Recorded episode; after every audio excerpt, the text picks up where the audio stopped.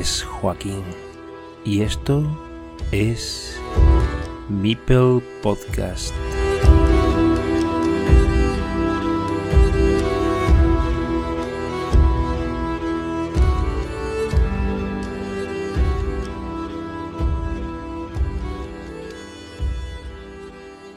Welcome to Meeple Podcast, an audio program where it's a pleasure for inviting people not only from the Carcassonne Spain community, but also from the international scene.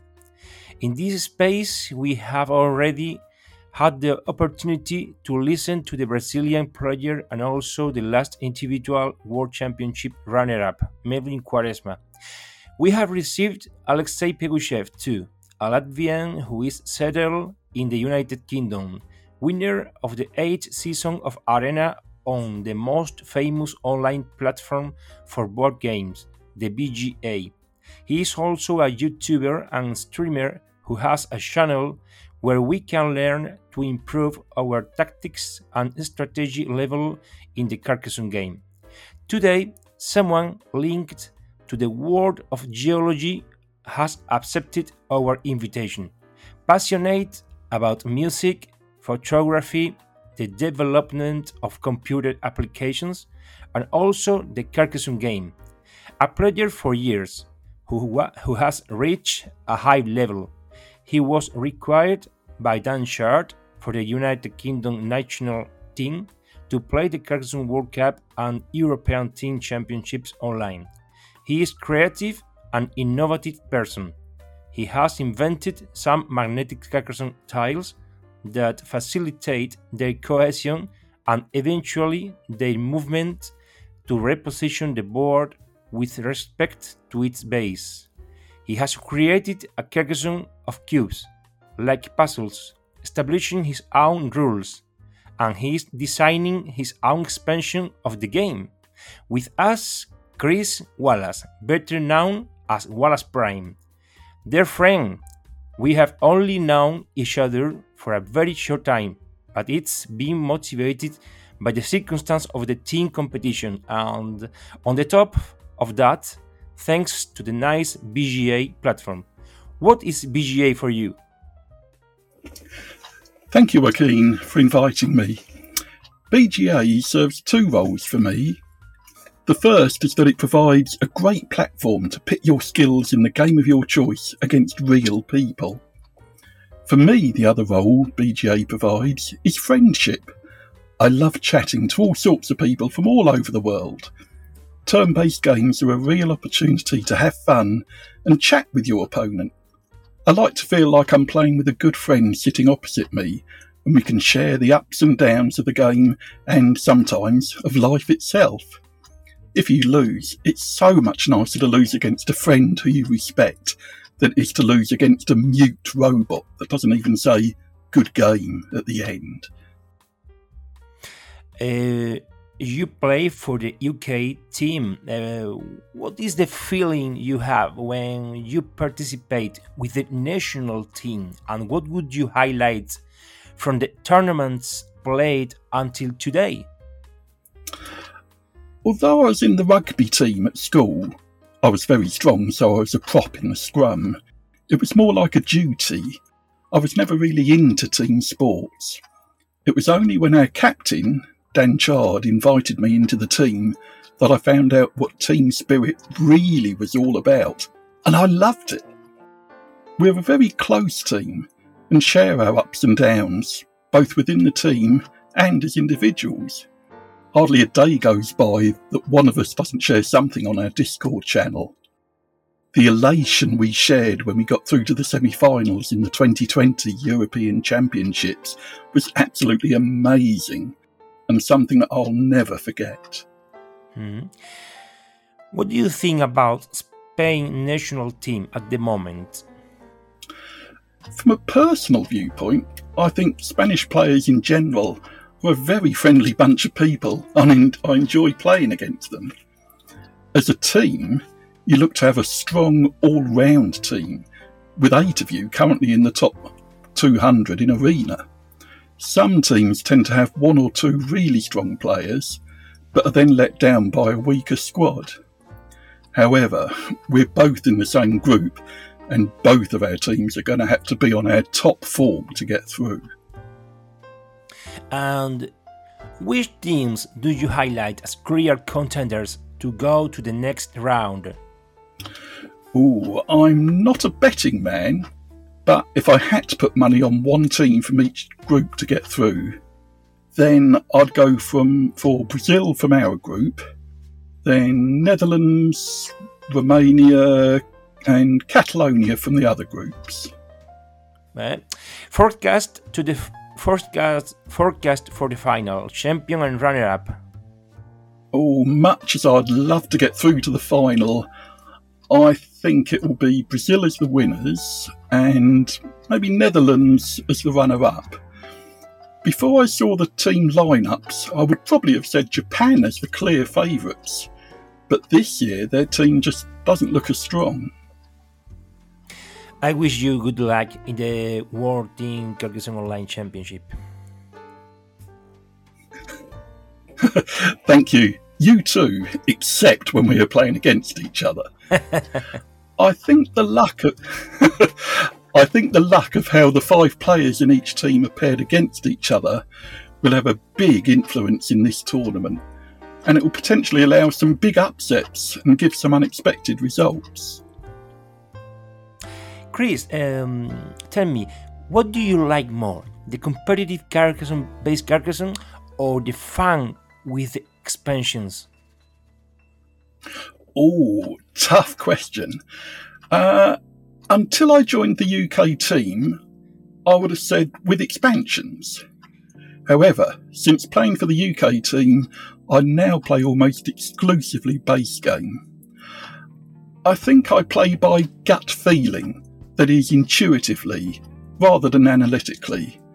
Because of this, I found that my performance dropped significantly when I changed between playing with base game and with extensions. The different playing strategies seem to disrupt my internal Carcassonne engine, so I try to avoid swapping before I represent the UK in tournaments. Uh, you have many hobbies. Uh, how do you spend so much time in Carcassonne? Oh, I love learning, but I messed up my exams and didn't go to university when I left school. Instead, over the past 20 years, I've studied early in the morning before work and gained two degrees a BSc in Computing and IT and a BA in Arts and Humanities. However, those are finished, but I still wake up very early in the morning and Carcassonne now fills that gap. Wow. Magnetic tiles and Cubasome is so crazy. For me, it's a very interesting theme, but I am very surprised of it. You have made it almost professional. Have you thought about selling the idea to Hans Im Gluck? Uh, I have conflicting feelings about that. I'd love to make money from it and see my name on the box, but I think it would be prohibitively expensive to make commercially. I also admire the generosity of Hans Im Gluck in allowing Carcassonne Central to share the fan made expansions on their site as long as it's not for profit. So I'd not want to potentially put that at risk by using loopholes to sell my Carcassonne ideas. Are you a member of Carcassonne Central? Uh, I've been a member for a few years, but initially that was just to be able to download the Carcassonne annotated rules. For me, an invaluable resource in interpreting the rules when different expansions are mixed together. However, recently I came out of the shadows and started actively contributing. It's great getting to know a new bunch of enthusiasts. Good. Uh, do you know Hector Madrona, Meepeldron?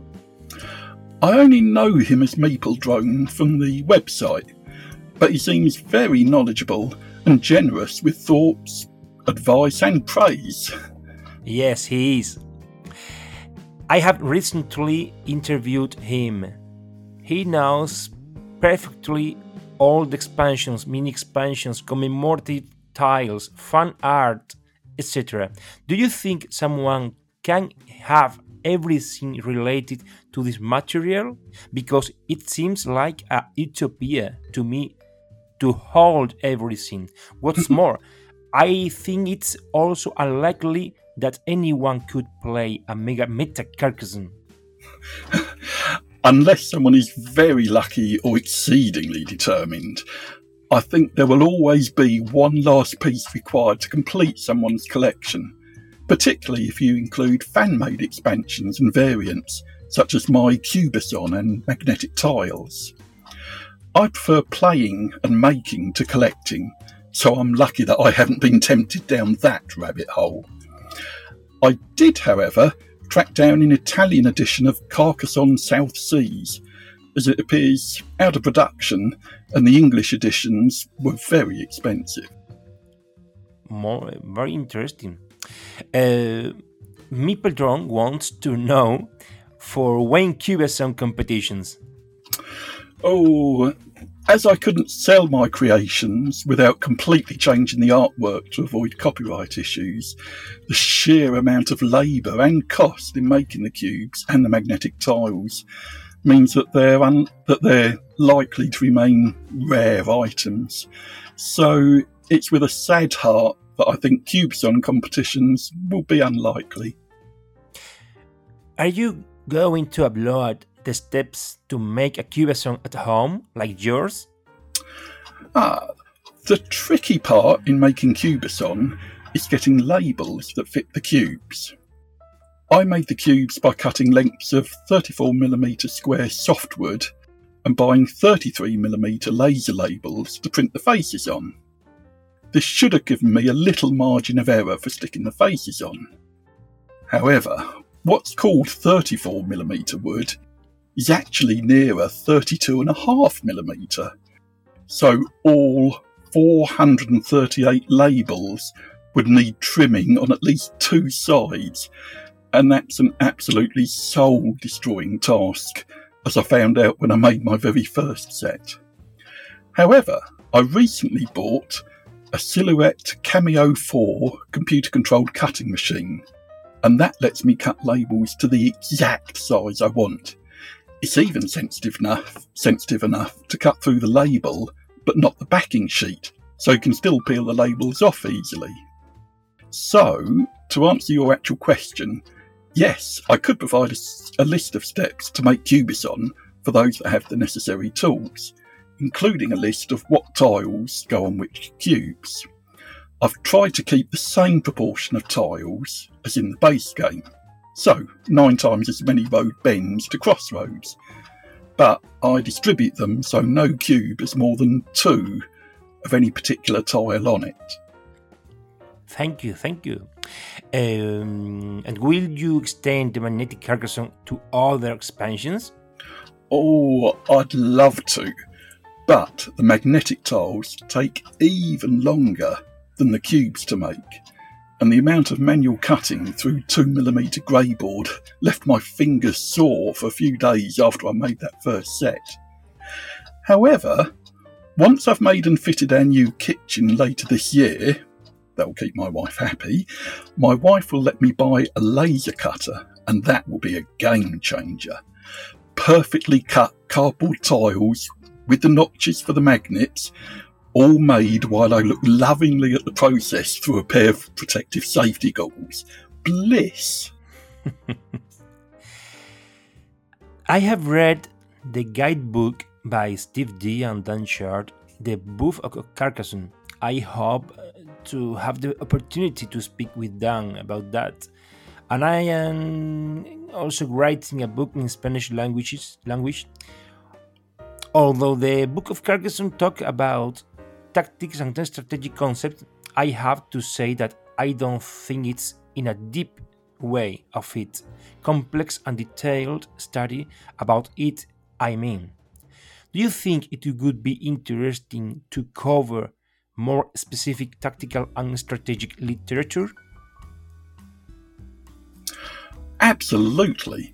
Uh, on our Discord channel, the UK team quite often chat about various game positions we found ourselves in, and we've discussed the pros and cons of different moves. these could be a great source of material for a second volume of Stephen Dan's book, and I, for one, would be very happy to buy that volume. Hmm. Another question. Alexei Pegushev lives in UK. Have you had the opportunity to meet him?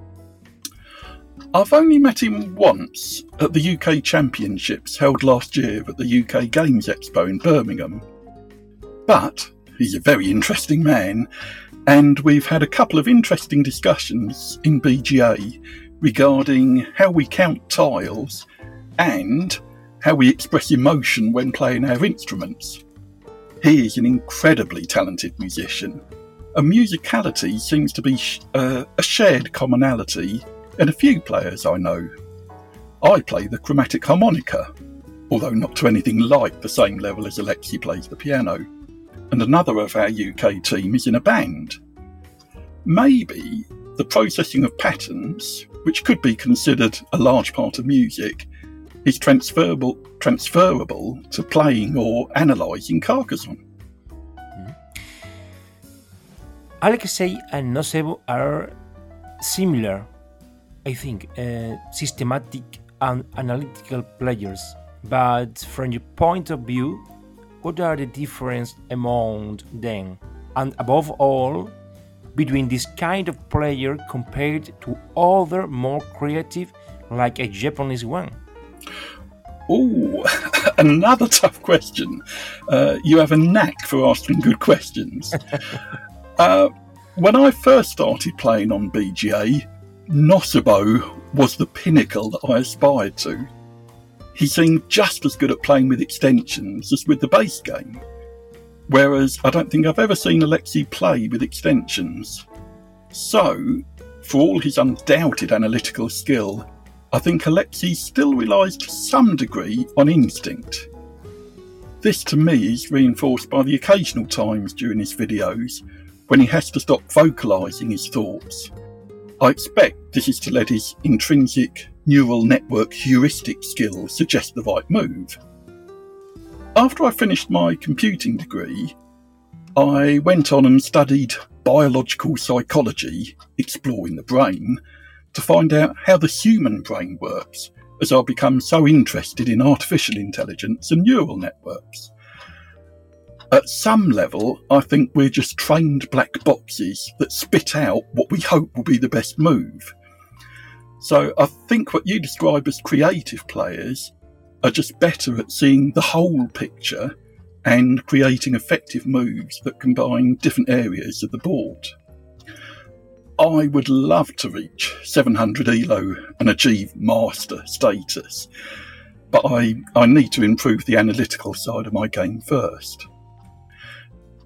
BGA is great for allowing you to replay past games and learn from them, but this is less exciting than actually playing, so I admit I don't do it as much as I should.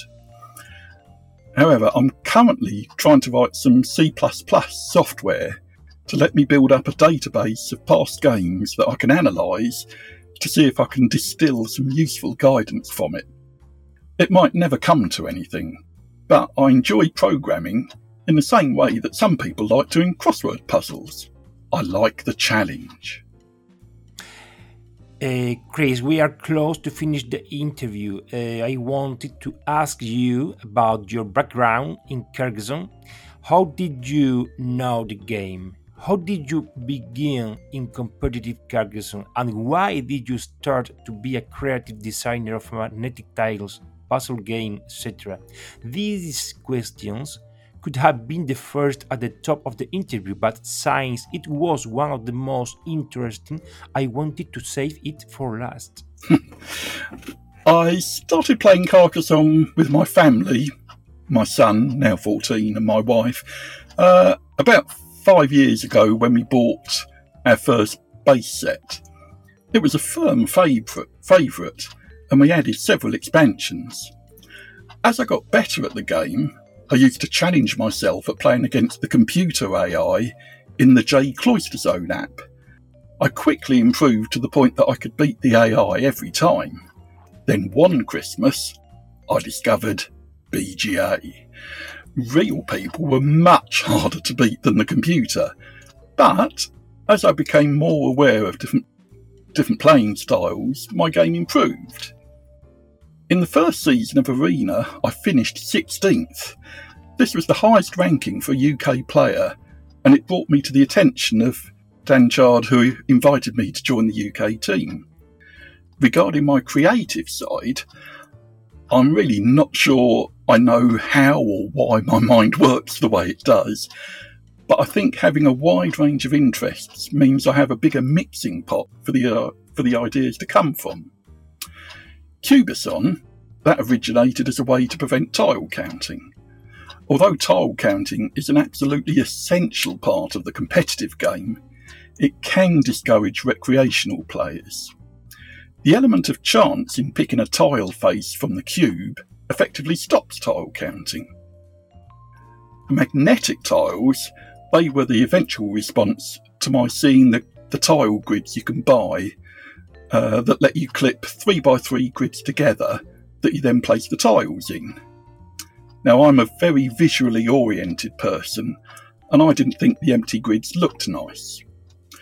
My first alternative was to make individual 3D printed tile holders. These had slightly concave sides that lightly gripped the tile and magnets to ensure alignment and keep the tile arrangement locked in place so you could move the whole thing around. However, you'd need one holder for each tile and they were difficult to shuffle. I only made about nine grids before putting that idea on hold. While looking at how I could insert magnets into existing tiles, I experimented with using sticky tape to hold them in slots made on the edges. This, this left the tile disfigured, so it would need new labels front and back to make it look nice. Then I had the brainwave to bypass the original tile entirely and make my own from 2mm grey board, using the computer controlled cutter to cut the perfect label to wrap around the edges I was really pleased with how the tiles looked and felt, and particularly with how they snapped together, but not so tightly that you couldn't shuffle the tiles. Okay, uh, the short questions or short answers. Uh, your favorite tile? Oh, a city extender with pennant is my favourite starting tile. During a game, the corner city splitter is an incredibly valuable tile for stealing cities or escaping from them if being overrun, but it is a double edged sword and it's equally dangerous to you if your opponent draws it. Mm-hmm. What Carcassonne expansion do you prefer? Oh, I particularly like inns and cathedrals. I like the way the big meeple can completely change the balance of power when fighting for control of a feature, but in a player controlled way rather than a random way like you'd get with the dragon, for example. Okay, big meeples, yes. Another game in BGA. Oh, within the UK team, we've played several mini tournaments amongst ourselves of other games. I like games with an element of chance, as it means I still have a chance to win, even against those with more skill than me. One of my favourites is Seven Wonders, since, like Carcassonne, there are several different strategies that can be used to win. And another game out of BGA catalogue. Oh, I love playing Balderdash, mostly with my family.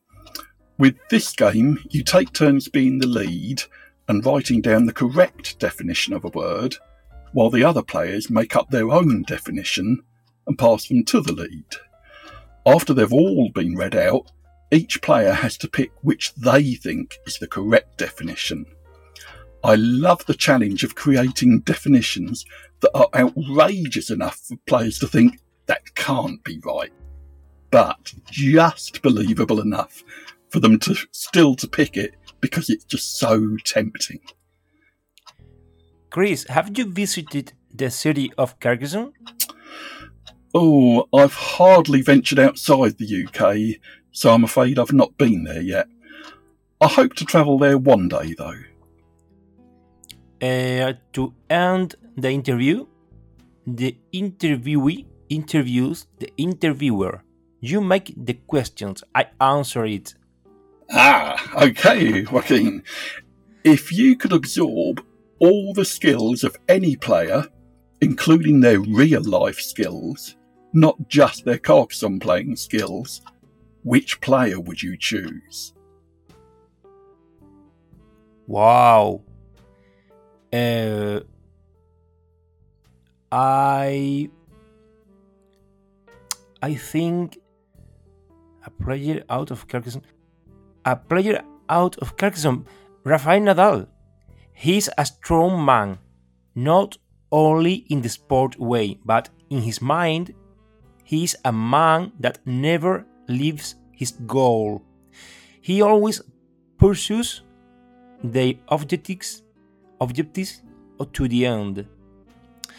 But about Carcassonne players, I want to say I don't know many players around the world, unless in their real lives. lives. Uh, so I think it would be possible uh, Bryan. and why? Because you love development than me. You love to be a creative person like me. You love to meet another people who loves the same things like you. I too. But you have reached to create some kind of inventions about Carcassonne. You have finished your studies at the end and you have reached a great Carcassonne game level. I think it could be the best option I will choose. uh, Chris, thank you so thank you so much for visiting Meeple Podcast. I wish you the best of luck with your projects, and also, as I said before, good luck for you at the Team World Cup. Well, thank you for inviting me, Joaquin.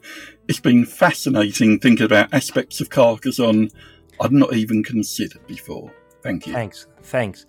And this is all. I see you on the next episode. Bye bye.